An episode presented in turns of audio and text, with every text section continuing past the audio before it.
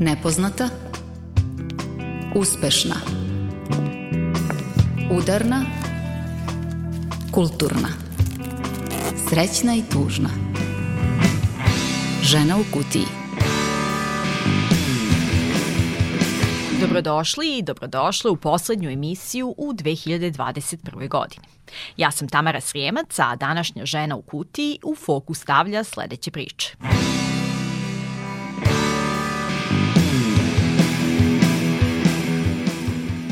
Zašto su mediji po ko zna koji put pali na ispitu kada je reč o izveštavanju o suicidu? U čemu grešimo, koja je odgovornost institucija, a koja društva u celini? mediji su prilično a, pogazili tu neku ljudskost, da ne daju biću koje je patilo, da, da ga ne ostave na miru u krajnjem slučaju. Podsjećamo se i teme koju smo otvorili pre dve godine, a danas je više nego aktuelna. YouTube scena i njen uticaj na formiranje stavova kod mladih jedan uh, apsolutno nekvalitetan sadržaj, vrlo problematičan uh, sadržaj koji širi mržnju, uh, sadržaj koji doprinosi diskriminaciji, njemu lično do, donosi ogromnu novčanu korist. Evropsku filmsku nagradu za najbolji film u 2021. godini dobilo je ostvarenje Kvo vadi Saida, bosansko-hercegovački reditelje Jasmile Žbanić. Žbanić je dobila nagradu i za najbolju režiju, a za najbolju glumicu proglašena je Jasna Đuričić. Ja mislim da sve kreće od pojedinca i lične odgovornosti. Rodno osetljiv jezik i definisanje njegove obavezne upotrebe zakonom jedna je od tema koja je u ovoj godini podelila javnost. Žena u kutiji iznosi činjenice i donosi analizu. Pre nego što krenemo u analizu najavljenih tema, slušamo pesnikinju i pevačicu grupe Autopark, Ognjenku Lakićević, i njenu prvu solo pesmu Jovane, koju objavljuje pod imenom Olja. Kako kaže, odluka da se pesme koje povremeno pravi kod kuće snime nastala je za vreme pandemijske izolacije. Nedovoljno kompleksne za Autopark, a previše drage da ih odbaci. Olja je ovde prvi put autorka i muzike i kako kaže, to je nova i uzbudljiva vrsta odgovornosti i slobode. Inače, izašao i spot za pesmu Jovane snimljen u Beogradu, a sve ženski tim činile su rediteljka Kristina Milosavljević, snimateljka Tina Dragović i montažerka Nataša Pantić. Pogledajte i spot, ali najpre uživajte u pesmi.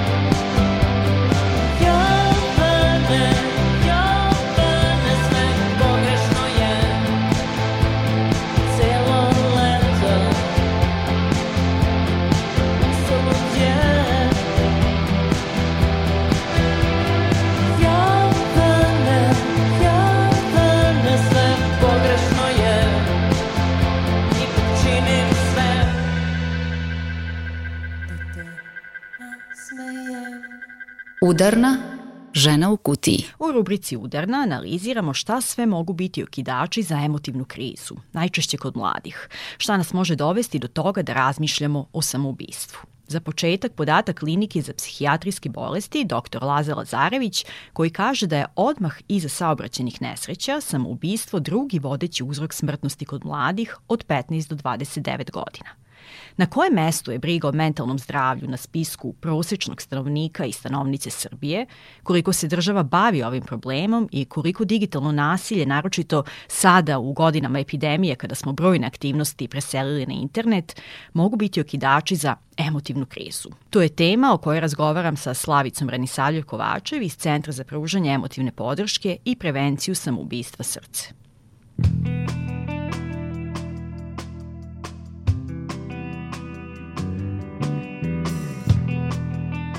Slavica, ovo je još jedna prilika da pokušamo da razbijemo brojne predrasude i povod za razgovor jeste vest koju smo saznali u medijima i to na nimalo primere način, a to je da je youtuberka Kristina Kika Đukić izvršila samoubistvo. E, da budem preciznija, zvaničnih podataka o tome da je reč o samoubistvu nema, ali smo bez obzira na to u medijima, naročito portalima, ponovo imali seriju senzacionalističkih tekstova. E, tu je bilo nagađanje razloga zbog kojih se to desilo, iznošene detalje iz njenog života i tako dalje i tako dalje. Da li su mediji i društvo ponovo pali na ispitu? Pa, nažalost, čini mi se da jesu. O, trudim se budem optimističan i da kažem da a, svaki put kako godine prolaze, sve više onih medija koji izveštavaju etički, ali manje više etički nego humano, prema nekom mladom biću koja je izgubila svoj život i prema članovima njegove porodice, prema bliskim ljudima i prema svima onima koji, koji okružuju. A, međutim i sada smo imali jako, m, u stvari imali smo pravljanje profita od a, nečije tragedije mm -hmm. i nekako a, razlačenje a, njenog privatnog života i svega onoga što se dešava kroz fotografije i kroz različite izjave i slično.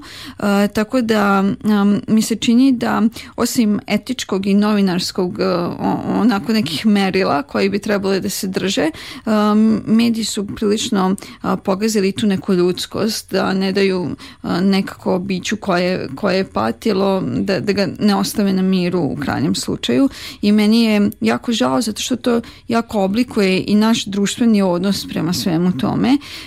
Nekako kao da nikako da naučimo da postoji nešto što je jel, privatno i postoji neko više društveno dobro jer je ta devojka bila prilično uticajna među mladima i mnogi mladi su to kasnije čitali mm -hmm. vjerojatno doživljavali i ličnu tugu i bol i slično i ne učimo ih na pravi način kako da se nose sa tim. I nekako u paketu sa takvim tekstovima idu i komentari. Ne bih sada da im dajem publicitet, mm. zaista ima komentara kojima nikako nije mesto u javnom prostoru, ali onako se svi mogu staviti u kalup da je radila nešto korisnije, ne bi joj se tako nešto desilo, ne bi joj tako nešto palo na pamet i tako dalje i tako dalje.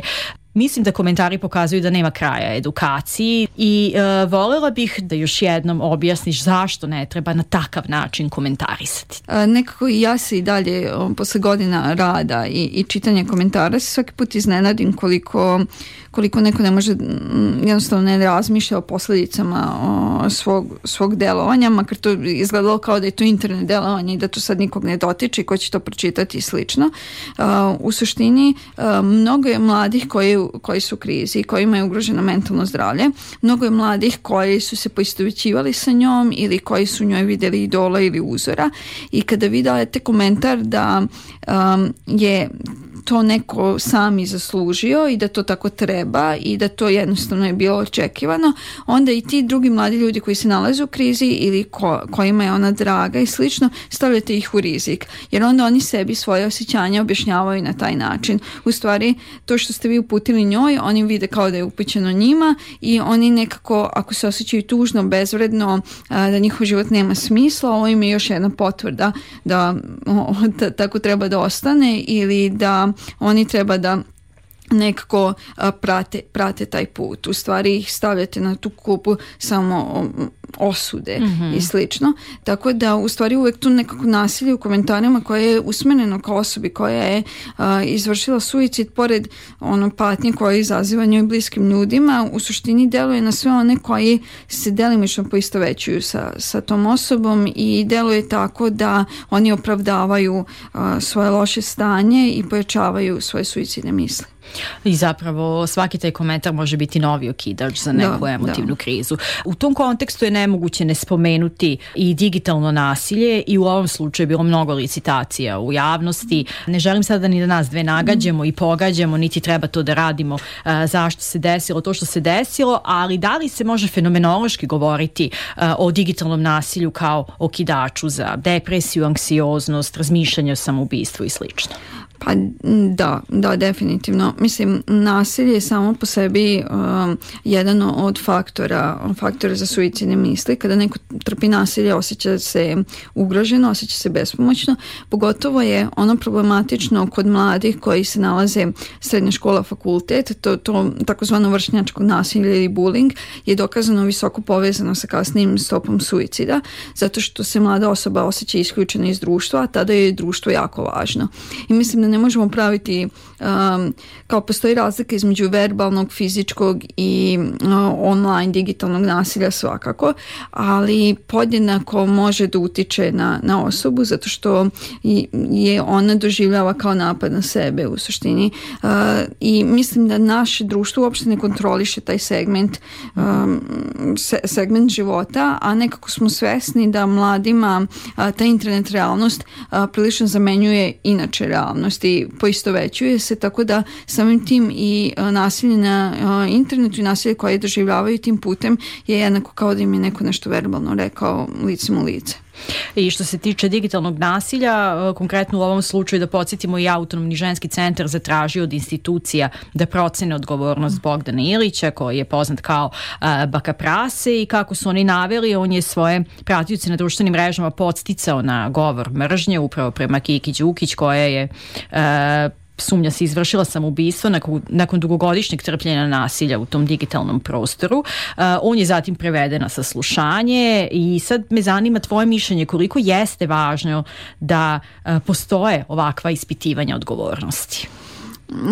Da, defi, mislim, nalazimo se na prilično klizavom terenu zato što do sada nije mnogo rađeno na, na tom pitanju kod nas, pa nismo sigurni šta će dati dobre, um, dobre posledice za, za budućnost, ali čini mi se da je preispitivanje odgovornosti svakog ko širi um, mržnju na neki način i širi uh, taj vid nasilja i podržava ga i osnažuje ga, mora da postoji. Uh, zato što čini mi se da do sad to uopšte nije sankcionisano i delovalo je kao, e, mi se sad igramo nečega, u stvari to uopšte nije igra i osoba koja je privedena je odrasla punoletna osoba i mora biti odgovorna za svoje postupke. Tako da uh, slažem se da to moramo da stavimo i u zakonsku regulativu da bi onda i društvo imalo našto da se osloni kao vid zaštite u krajnjem slučaju slučaju, jer je pitanje kome se ona kome ona znala da može da se obrati u tom trenutku i zbog čega nije potražila zaštitu od tog digitalnog nasilja, verovatno zbog toga što nije postojao primer da se ta zaštita zaista isprovede.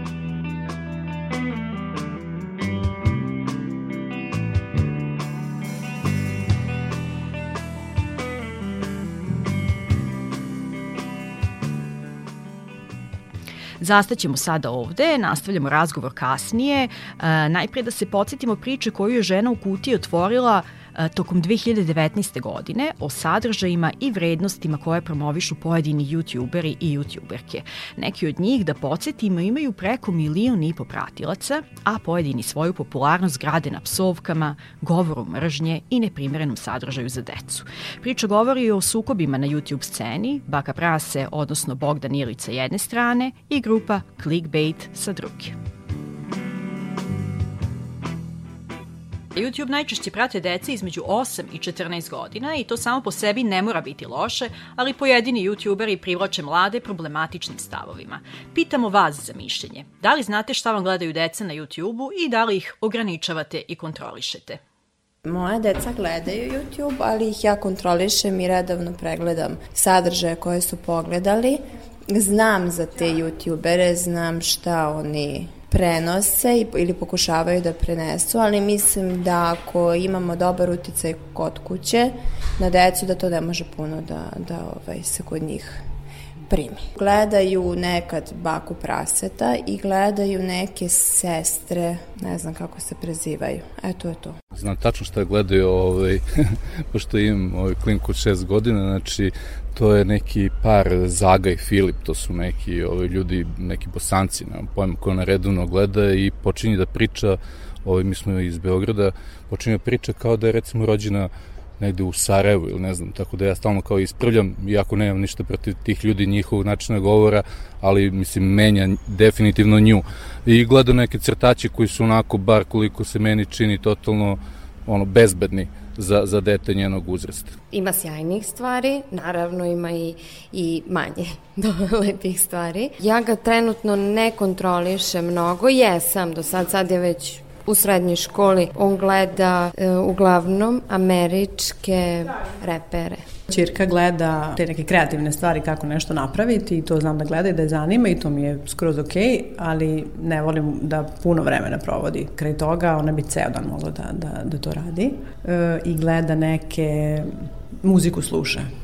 E sad, to, tu, u toj muzici ima svega i svačega tu su i neke nove pevačice kojima ni ne znam ime, ali u principu čujem za nju kada se dešava neki meet-up u Bigu gde ona želi da ide da upozna tu neku kliniku, to ne dozvoljavam. Hteli mi to da prihvatimo ili ne, YouTube jeste javni prostor i kao novi mediji ima uticaj na ogroman broj ljudi. Diskriminacija, vređenje i vulgarizacija nedopustivi su u bilo kom javnom prostoru, kaže Smiljana Milinkov sa katedre za novinarstvo na Filozofskom fakultetu u Novom Sadu.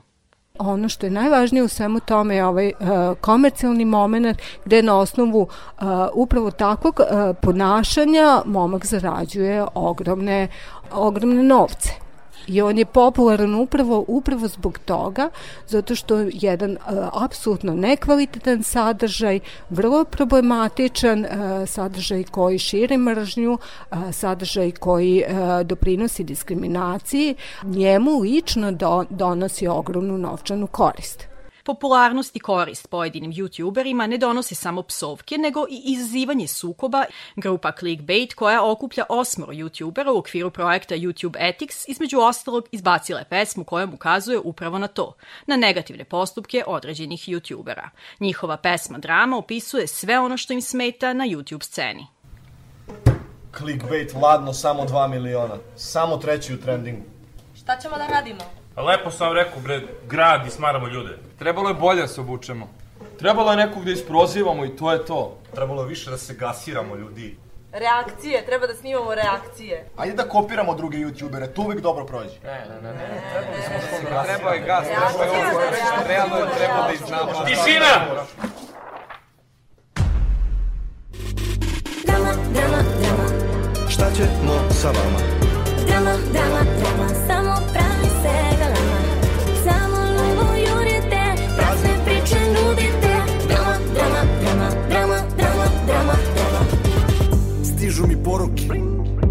Neko mi preti. Baka Prase ima odgovor na tu pesmu i tako je sukob produbljen. Uvrede, dijalog i prepucavanja nisu ostala samo na YouTube-u, nego se o njima govorilo i u tradicionalnim medijima na jutarnjem programu televizije sa nacionalnom frekvencijom, zatim u tabloidima.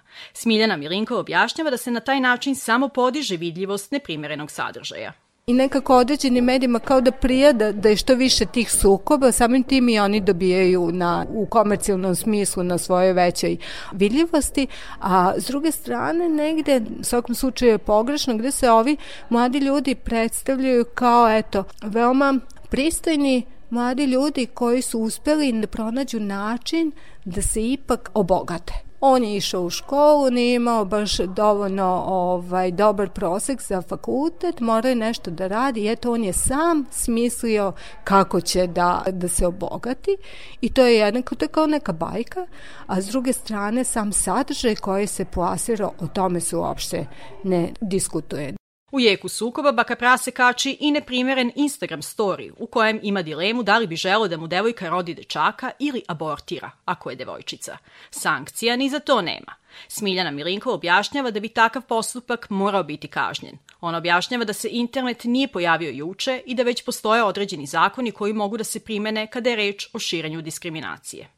U konkretnom slučaju kada je širenje mizoginije, mislim da bi trebala poverenica za zaštitu ravnopravnosti da reaguje i svakako, kako i svi ostali koji čine di, diskriminaciju, dužni su da izmene svoje ponašanje, tako i navedeni momak bi trebao javno da se, da se izvini. To je najmanje što, što može da se, da se učini. S druge strane, a, reč je o, o jednoj društvenoj klimi u kojoj je tako ponašanje prihvaćeno. Mislim, nisam za to za, za neku vrstu cenzure. Cenzure nikad nije dobra, pogotovo ako govorimo o publici koja je brojna i o mladim ljudima. Znači, vi ako nešto zabranite, to će poslati, taj sadržaj će svakako doći do njih. Zaista postoje brojni sadržaji uh, i na YouTube-u i na drugim platformama koji su kvalitetni, koji su dobri. A uprava video platforme YouTube saopštila je da će zabraniti video zapise koji zagovaraju diskriminaciju ili segregaciju u okviru bore protiv snimaka koji podstiču mržnju.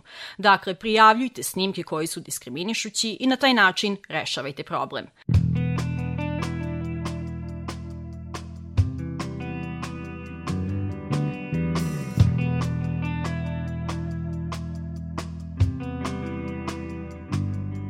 Bio je to deo priče koji smo emitovali u Ženi u kutiji tokom 2019. godine, svakako i danas je aktuelna, a sa Slavicom Ranisavlju Kovačević Centra Srce nastavljamo razgovor i dolazimo do pitanja šta je sa potezima države do sada, da li se institucije dovoljno bave ovim problemom.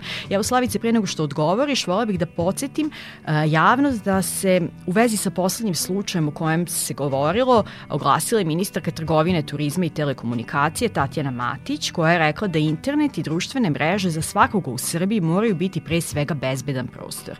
Da li je to dovoljno? Da li se država dovoljno bavi mentalnim zdravljem i uopšte cyberbullyingom?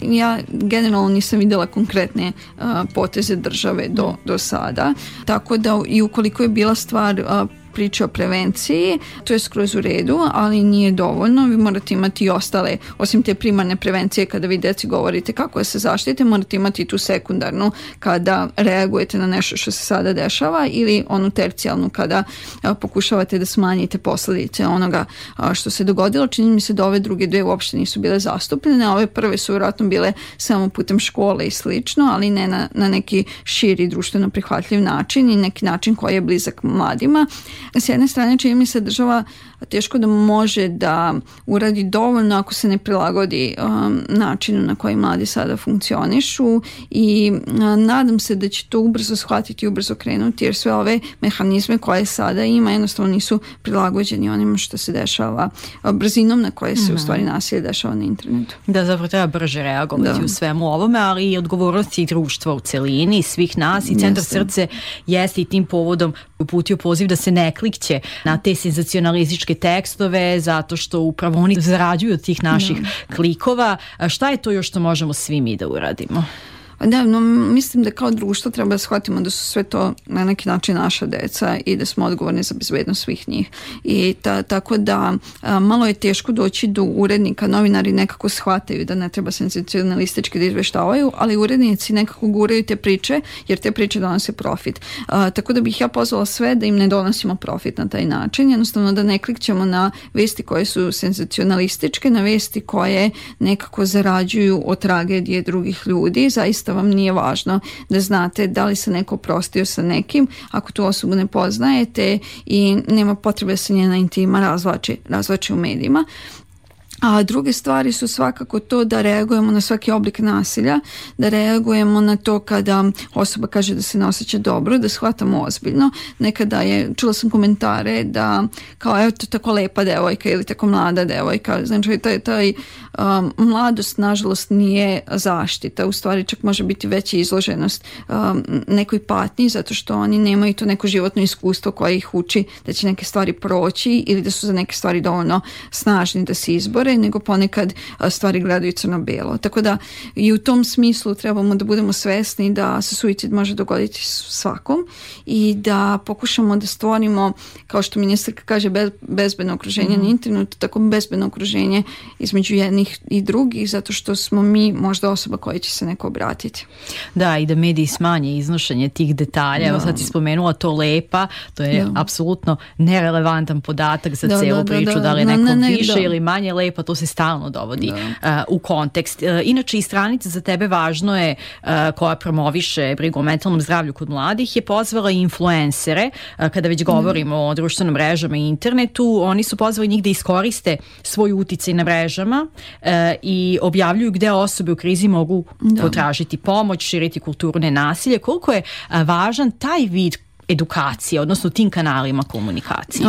Ja mislim da je jako važan zbog toga što se nekako uh, menja se svest mladih. U suštini mladi se više ne vezuju za neku organizaciju, ne vezuju se za instituciju i slično. Vezuju se za ljude kojim svojim primerom govore, ukazuju kako se treba ponašati. I oni su u stvari jako bitan kanal komunikacije i čini mi se da su se prilično odazvali ovom pozivu i da, na primer, broj poziva, mailova i četova u Centru srca je tokom protekle nedelje drastično skočio, drastično skočio od strane mladih ljudi koji se osjećaju um, da život u ovom trenutku nema smisla, a sve to oni su rešili da potraže pomoć zahvaljujući tome što je neko na Instagramu podelio naš kontakt, telefon i slično. Tako da je njihov uticaj jako velik jer mi živimo u društvu gde u stvari oni oblikuju negde svest.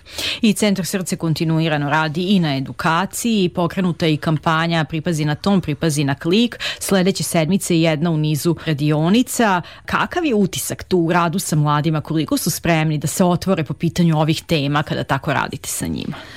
Pa čini mi se da što se toga tiče ima mesta za optimizam zato što su, od svih grupa sa kojima sam ja do sad radila i sa kojima su Centar srce radio, čini mi se su mladi u stvari najotvoreniji da pričaju onome što ih muči i da otvoreno se uhvate u taj koštac sa problemom. Problem je s druge strane te njihove društvene moći što često njihov glas nije um, se ne čuje i nije prepoznat, uh, ali nekako verujemo da um, samim tim što žele da dođu na takve radionice, samim tim što slušaju, samim tim što aktivno učestvuju, da su nekako spremni da ulože i više napora da se neke stvari promene i često ćete u stvari najneke inspirativnije rečenice čuti upravo od -hmm. njih, što nekako vraća nadu da će um, svet, bar što se tiče mentalnog zdravlja, postati bolje mesto.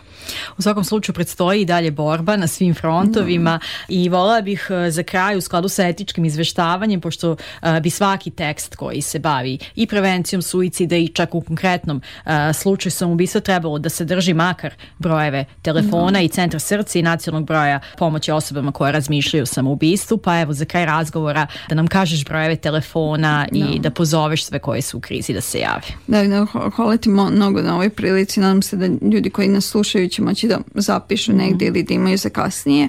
Besplatan broj centra srca je 0800 300 303 E, takođe imamo uh, mail vanja.centrsrce.org i može se javiti prekom četa na našoj stranici www.centrsrce.org gde možete pročitati i ostale značajne stvari iz oblasti mentalnog zdravlja. Uh, mi radimo svaki dan od 2 do 11. Uh, nacionalna linija za prevenciju samoubistva radi 24 sata.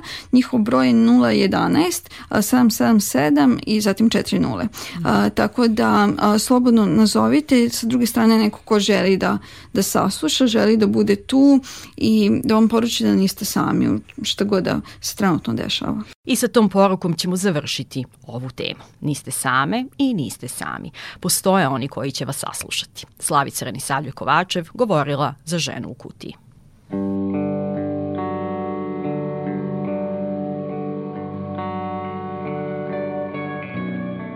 A danas u emisiji preslušavamo muzičarke i njihove pesme izašle tokom ove godine. Jedna koja zaista privlači pažnju je Tam i njena snažna balada izašla u prvoj polovini 2021.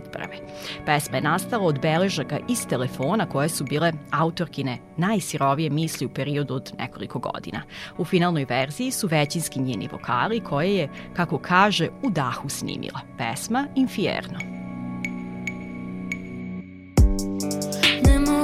Ti podnesem A Ali mogu šterila bih te Podigla bih teret Stavila na sebe. Nema potrebe Da se nismo sreli. Sve bi bilo drugačije Sve bi bilo bolje Da li bi bilo bolje Ili našli bi se posle? Odi sa mnom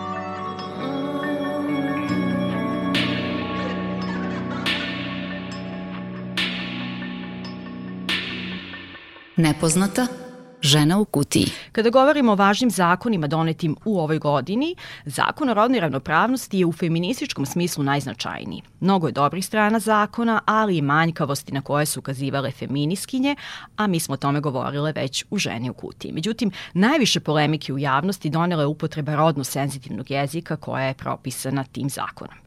U Ženi u kutiji iznosimo mišljenja struke koja su predstavljena u okviru dokumentarnog filma Jezik i stvarnost u produkciji Šok Arta koji je podržala misija OEPS-a u Srbiji.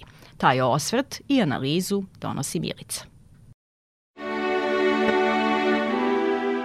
Imamo li pravo da mislimo jezikom koji je rodno osetljiv? Dobro, to nam niko ne može oduzeti, ali možemo li da govorimo onako kako mislimo? Jezik je naš i jezik nije naš. Jezik je svojina svih i ne pripada nikome. To znači da može da u kodifikaciji, odnosno normiranju, učestvujemo svi mi svojim predlozima, svojim načinom govorenja, svojim mislima.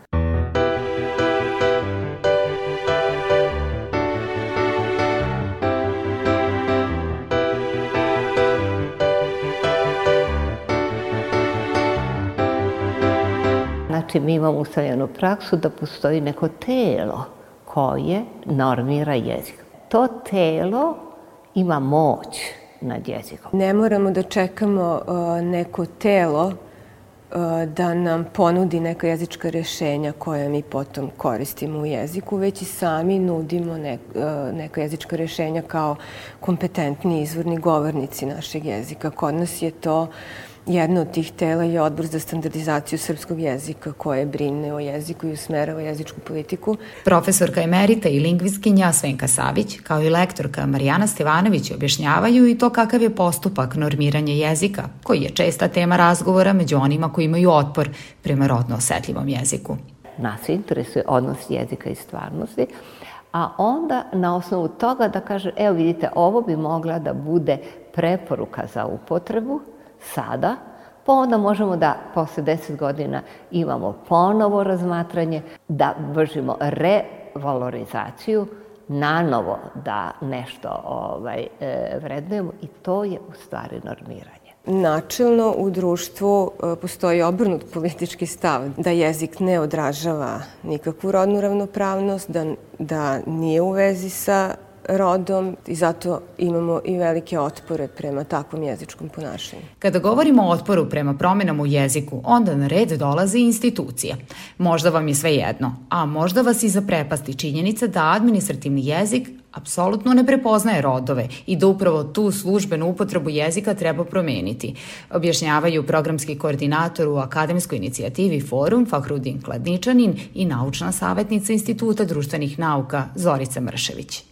Stiglo mi je pismo, neki dopis od sadašnje nove ministarke za ljudski manjinska prava i društveni dijalog Gordane Čomić i znam da u, dole u dopisu stoji ministar Gordana Čomić. Ja sam bio zaprepašćen kako sada neko ko dolazi iz perspektive rodne ravnopravnosti, ko se zalaže u javnom diskursu za feminizam, za rodnu ravnopravnost, prava žene i tako dalje, e, potpisao dokument gde piše ministar Gordana Čomić. I onda sam se konsultovao s nekim mojim kolegama koji su mi zapravo rekli da državna sistematizacija ne prepoznaje rodna zanimanja. To je takođe i e, oslovljavanje u službenoj komunikaciji sa gospođa, znači ne ulazi se u to da li je žena udata ili ne udata, jer je to diskriminativno. Kada se pišu službeni dopisi, mora da bude ne dragi svi ili poštovane kolege, nego poštovane kolege i koleginice, drage sve i svi.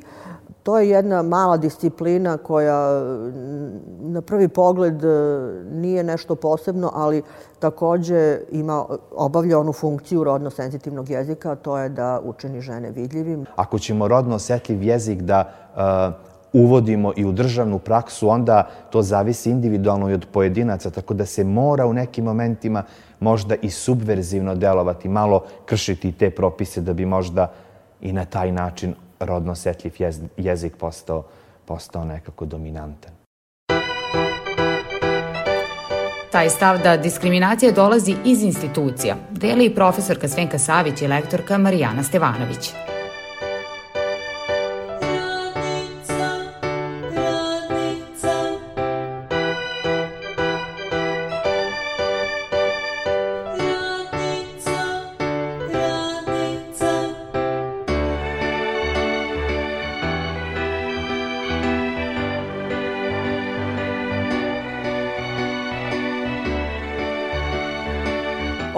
Prema rodno setljivom jeziku uh, u mnogome podstiču institucije koje imaju uh, stav da uh, je recimo muški rod imenice neutralan, da je da se on podjednako odnosi na muški i na ženski pol i da ono što se pokušava sa rodno osetljivim jezikom, e, da je to nasilje nad jezikom, silovanje jezika, tako da su ti e, narativni, narativi već dosta prisutni e, u našem društvu, a svakako ih podupiru stavovi lingvista koji o tome govore uglavnom u medijima. Nema protivnika, ima svako prava da svoje mišljenje iznese i da ono bude merodavno kao i svako drugo. Dakle, ovaj, obilje različitih mišljenja je korisno. Nema protivnika, svako ima pravo da iznese svoje mišljenje. Mudro smatra Emerita Savić, ali svi svedočimo glasnom protivljenju upotrebi rodnog osetljivog jezika. O tome govore koordinator akademskoj inicijativi Forum Fahrudin Kladničanin, docentkinja na katedri za srpski jezik i književnost doktorka Marina Nikolić i naučna savjetnica Instituta društvenih nauka Zorica Mršević. Pa ja mislim da su najveći protivnici rodno osetljivog jezika muškarci. Zato što je njima bilo kakva rodno osetljiva perspektiva u jeziku neprihvatljiva. Čak mislim da je neprihvatljiva u tom smislu da se iz, često izrugavaju rodno osetljivom jeziku. Ja sam primetila da kada je tema, recimo, abortus, više će muškaraca da se uključi u tu temu, a kada je tema rodna ravnopravnost, među kritičarima će dominirati žene. razumem i taj stav da među ženama ima protivnika rodno osetljivog jezika zato što one kažu zašto ja ne bih bila lingvista kao i moj kolega lingvista, zar nismo na taj način ravnopravni? Ako sam ja lingvistkinja, ja sam markirana, ja sam obeležena da sam žena. Ne, ja hoću ravnopravnost. Naši protivnici su oni koji imaju moć nad jezikom jer oni neće da se menjaju. Ja bih voljela da rodno osetljiv jezik podržavaju i muškarci i žene i politički establishment i da kažemo prosečan govornik.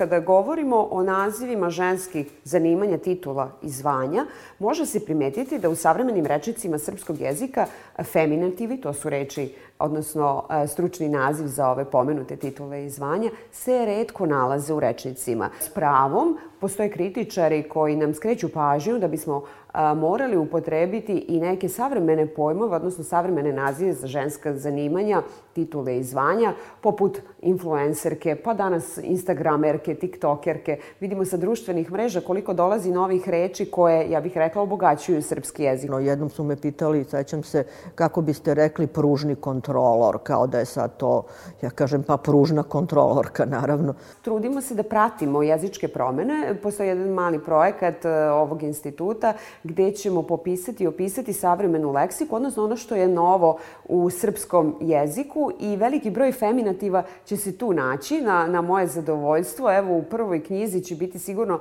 više od 50 takvih reči koje označavaju žene. Čuli smo od docentkinje sa katedre za srpski jezik i knjiženost Filološkog fakulteta u Beogradu, doktorke Marine Nikolić, da ko je gladan odgovora i nesiguran u vezi sa tvorbom reči, dobit će nove oblike u ženskom rodu servirane u knjizi. Lingviskinja i političarka Maja Sedlarević smatra da je ključno prisustvo žena na mestima odlučivanja. Što je više žena na određenim pozicijama odlučivanja, menjaju se i odluke i načini donošenja odluka. I ja sam sigurna da što je više žena u politici, menja se politika i što je više žena u profesijama u kojima do sad nisu bile ili nisu bile na pozicijama odlučivanja u nekim profesijama, to će dovesti do toga da se i njihov položaj u tim institucijama ili uh, pozicijama promeni. Da li je zaista toliko komplikovano da počnemo odjednom da koristimo i ženske oblike reči? Objašnjavaju naučna savjetnica Instituta društvenih nauka Zorica Mršević. Jezik je, kao što svi lingvističari i lingvističarke kažu, stvar uh, navike. Ono što je navika, to je takođe sadrži i odviku kažem, kad smo ove epidemiološkinje, imunološkinje ovaj, u, uvrstili u svakodnevni jezik, onako bez trunke razmišljanja, onda sve drugo nema više smisla pitati se. Kada su žene postale pilotkinje, guvernerke, ministarke, imali smisla uopšte nazivati ih drugačije. Sa namerom da razreše preostale nedoumice o upotrebi rodno osetljivog jezika – Slušamo profesorku i članicu Srpske akademije nauka i umetnosti, doktorku Marinu Nikolić, Marijanu Stevanović, novinarku i lektorku Lista danas, kao i emeritu Svenku Savić postoji prodor ovakvih naziva, recimo za ženska zanimanja i sve ih je više. E, moj stav da ona vrlo često dolaze ne e, iz strane politike ili nekog pogleda na svet koji je rodno osetljiv, tako da se izrazim. Ja mislim da nam dolazi iz svakodnevnog govora. Vodič za upotrebu rodno osetljivog jezika koji smo u saradnji sa OEPS-om e, napisali sve Kasavić i ja, jeste u stvari jedan e, doprinos, da kažem, ili predlog za standardizaciju rodno osetljivog jezika, preporuka kako da e, institucije, ali i mediji i sve zainteresovane grupe mogu da koriste jeziku javnosti.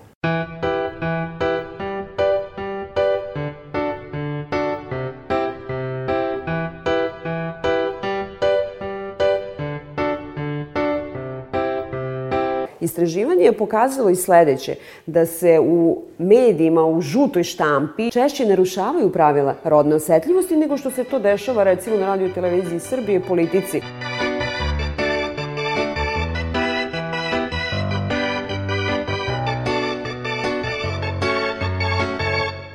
Postoje e, mnogi me, pisani i govoreni medija N1, na primjer, koji dosledno koristi rodno osjetljiv jezik, zato što je e, jedno od pitanja koje je za Evropsku uniju važno i pitanje jezičke komunikacije koja uvažava a, e, nediskriminaciju. Nažalost, danas i zbog velike medijske produkcije i zbog velikog uticaja medija u našim životima, medijski jezik utiče i na jezik svih nas. I naš jezik utiče na jezik medija i taj e, odnos je uzajamni.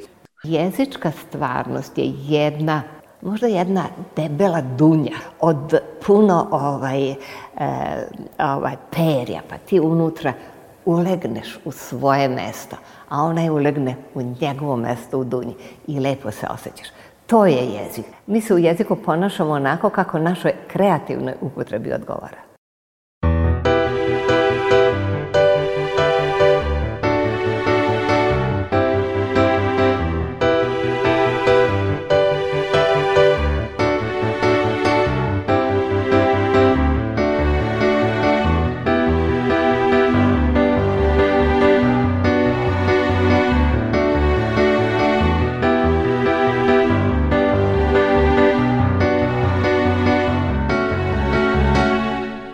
Na snimljenom materijalu zahvaljujemo se novinarki Oliveri Miloš Todorović, članici grupe Novinarke protiv nasilja, koja je snimila dokumentarni film Jezik i stvarnost u produkciji Šokarta uz podršku OEPS-a u Srbiji.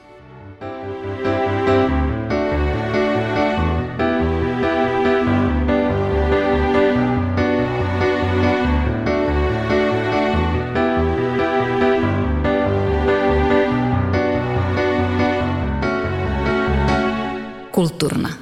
Žena u kutiji. Za kraj žena u kutiji iskrene čestitke novosadskoj glumici Jasni Đuričić i rediteljki Jasmiri Žbanić iz BiH. European Actress 2021 is. European Director 2021 is. And the winner of European Film 2021 is Quo Vadis Aida, directed by Jasmila Zimbanik. Jasmila Spanic for Quo Vadis Aida. Jasna Duričić and Quo Vadis Aida. Naime, Evropsku filmsku nagradu za najbolji film u 2021. dobilo je ostvarenje Kvo Vadi Saida, bosansko-hercegovačke rediteljke Jasmile Žbanić. Žbanić je dobila nagradu i za najbolju režiju, a za najbolju glumicu proglašena je Jasna Đuričić. Naša odgovornost jeste da publici prikažemo istinu. Moramo pružiti više priča koje se bave kompleksnim temama u susret izazovnim vremenima. To je deo govora Jasmile Španić prilikom dodele nagrade one stare načini razmišljanja, mi, oni, mislim da više ne, ne funkcioniše jer jednostavno vode nas u propast. Po meni mislim da se trebamo emancipirati od prošlosti. Uh, niko od nas ne treba da se identificira sa zločincima, nego da kažemo idemo dalje, kriminalci i zločinci nisu dio našeg svijeta, moramo ići, moramo ići dalje. Jer nama, mi, mi moramo živjeti skupa, to je, to je neminovno, jednostavno, geografski smo tu zajedno, mislim da je bolje razumjeti jedne druge, ali razumijevanje ne može biti na osnovu nekog, nekih laži, nekih lažnih informacija, moramo spoznati šta se sve desilo.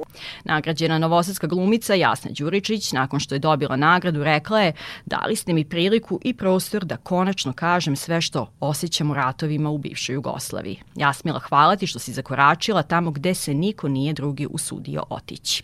Ovo je nagrada posvećena svim žrtvama i majkama. Ja verujem u te stvari da pojedinac menja, menja stvari, menja svet, makoliko se to činilo uh, tako nekako besmisleno ili premalo, presitno, uh, ja mislim da sve kreće od pojedinca i lične odgovornosti.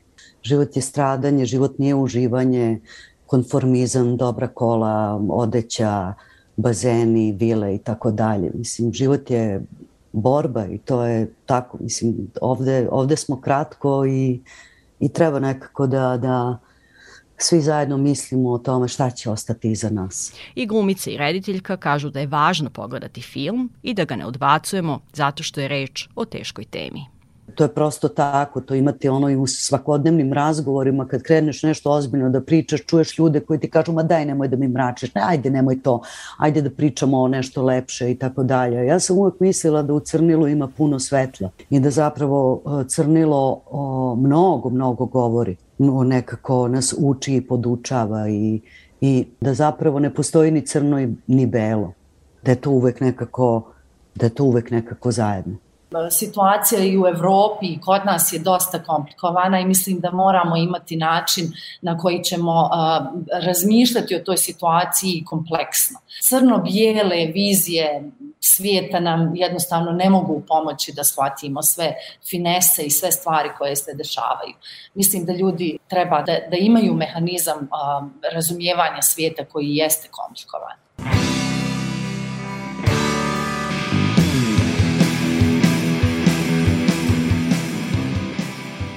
Hvala na slušanju, ponovo smo u etru u sledećoj godini. Pozdrav vam šalju autorke Žene u kutiji, Milica Kravićak-Samit i ja, Tamara Srijemac. Naš tom majstor za danas je Dalibor Vidović.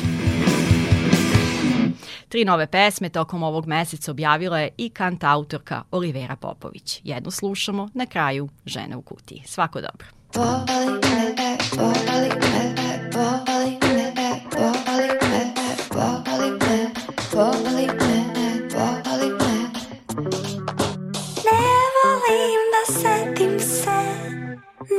čeka u vezi s tobom. Ni tebe Ne volim da setim se Kroz šta sve mi smo prošle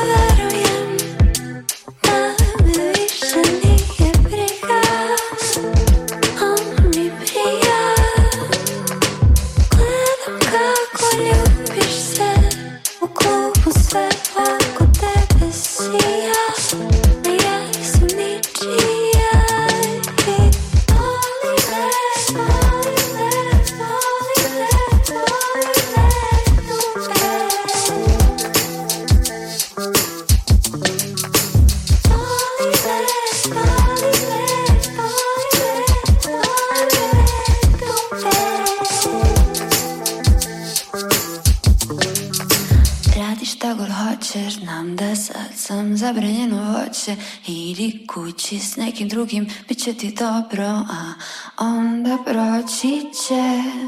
Opet igraš neke igre, da se ne su, nismo klinke. Ako misliš da me boli, u pravu si. Jer boli me, boli me, boli me, boli me.